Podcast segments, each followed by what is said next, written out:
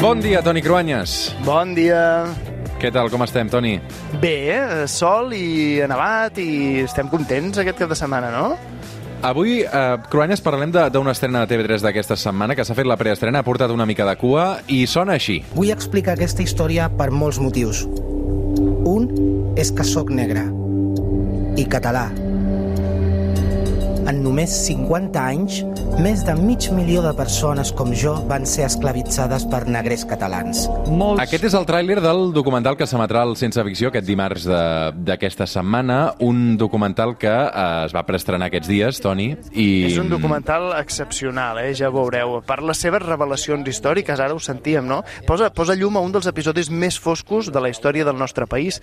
Com que tu i jo aquí els diumenges parlem d'història, eh, la veritat és que no me'n puc estar, perquè eh, no avançarem el contingut del sense ficció, però sí ja us apunto que serà polèmic, eh, perquè el documental es diu Negrés, la Catalunya esclavista, i per primera vegada explica, de cara al gran públic, que Catalunya va participar molt activament en un dels pitjors crims de la humanitat, que és l'esclavisme organitzat. Per tant, avui amb el Toni Cruanyes parlarem dels catalans que durant el segle XIX compraven persones a l'Àfrica, les traslladaven a Amèrica, especialment a Cuba, i les utilitzaven com a esclaus a les seves plantacions.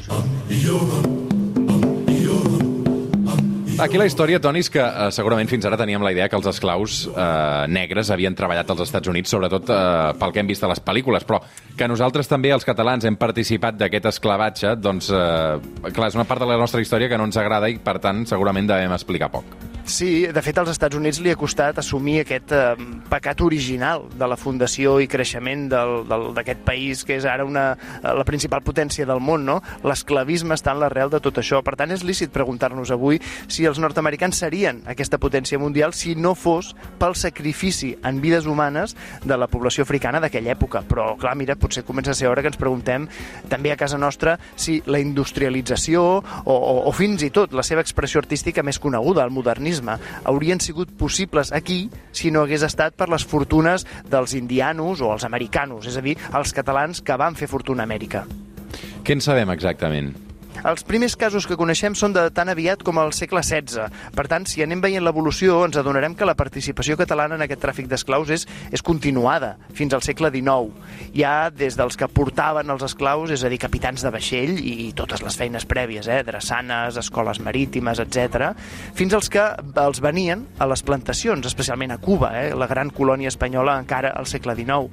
Abans ho havien fet venent als Estats Units, a Brasil, a Puerto Rico, però també hi ha els agents que estan a l'Àfrica, és a dir, la gent que està, els catalans que estan a l'Àfrica, a a Guinea principalment, que és l'altra colònia espanyola, i aquests agents eh, tenien com despatxos i estaven connectats entre ells en xarxa, era, era un negoci internacional. Hi havia, mm, no sé, participants xinesos en els vaixells, hi havia un mercat d'intercanvi a Liverpool, a Anglaterra, o, o l'assegurança d'aquests vaixells amb tripulació es tributava a Nova York, o sigui, e- era un gran negoci global. Clar, en aquesta cadena mercantil, eh, Toni, els catalans què hi feien exactament? Els catalans, dintre d'Espanya, eren els que més presència tenien a Cuba i alhora tenien una gran experiència naviliera. Per tant, és lògic que acabessin dominant la part del transport dels esclaus en grans vaixells, amb centenars de persones en males condicions, allà pilotonats, a les galeres, a les bodegues de les naus. A més, aquesta part del transport era la més lucrativa de tot el procés. El 1820 s'hi legalitza el tràfic d'esclaus, però malgrat això continua. Sí, i aquí apareix precisament un creixement de l'activitat catalana en aquest sector. Com que és il·legal, els anglesos, per exemple, deixen de fer-ho i, de fet, es dediquen a buscar i a denunciar vaixells que ho fan. Igualment, els catalans, eh, alguns capitans de vaixell o, o en famílies ja adinerada, inverteixen en el que en diuen factories d'esclaus a l'Àfrica, que són camps on hi tenen eh, africans empresonats. O sigui, camps de concentració. Sí, sí, sí, exactament això. Després els venen a marxants o ells mateixos tenen els vaixells amb els que es traslladen fins a Cuba. Abans de la prohibició, els vaixells arribaven a l'Àfrica, atracaven a la costa i s'hi podien estar setmanes negociant preus d'esclaus, comprovant mercaderies, buscant-ne. Eh, Des del moment en què és il·legal ho han de fer molt més ràpid. Per això es fan aquestes factories d'esclaus que ja tenen la mercaderia a punt. Eh, S'ha comprovat eh, un cas en què un vaixell va poder carregar fins a 400 esclaus en només 4 hores per marxar de seguida i evitar ser vistos o denunciats. O sigui que d'alguna manera com majoristes d'esclaus, una part més en, en aquesta cadena de negoci que estàs descrivint, que evidentment és macabra.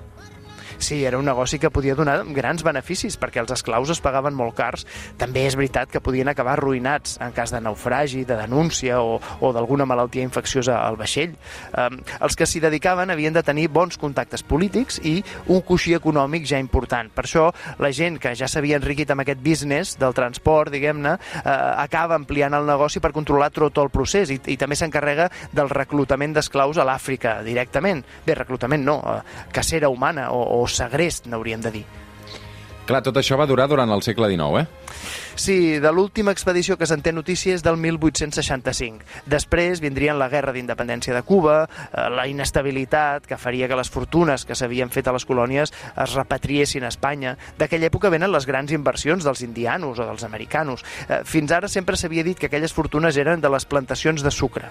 A veure, la veritat és que feien molts més diners amb el comerç d'esclaus que amb les plantacions. Hi ha qui diu que a l'Havana s'associava els catalans amb els esclavistes i, i amb això que sabem ara, diguem que agafa una nova dimensió, més cruel encara, aquell cuplet cubà de l'època que deia En el fondo de un barranco canta un negro con afán. ¿Quién pudiera ser blanco aunque fuera catalán? I avui sabem on són les fortunes dels negrers catalans? Uf, això mereixeria un programa molt llarg per explicar-ho. La revista Sapiens va fer fa un temps un, una mena de top 50 dels catalans que es van enriquir amb els esclaus. Hi ha ni sagues concretes de rebesavis de personalitats conegudes actualment, però eh, diguem-ne que la ingent quantitat de diners que es va fer eh, va servir, per exemple, per fundar els bancs espanyols més importants d'aquella època. És a dir, els bancs, claríssimament. El sector immobiliari. Es poden identificar, per exemple, alguns carrers i cases de l'Eixample de Barcelona directament.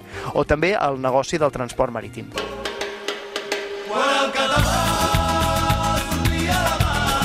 Avui fins a les 9 del matí, la versió del meu avi, que, que explica, evidentment, com un mariner català marxa cap a Cuba. I recordem, importantíssim, eh, aquest sense ficció de TV3 d'aquest dimarts que explicaves, Toni. El recomanem, eh? Recomanem veure el important dimarts que ve, sí. Segur que serà interessant. Una abraçada, Toni, bon diumenge. Bon diumenge.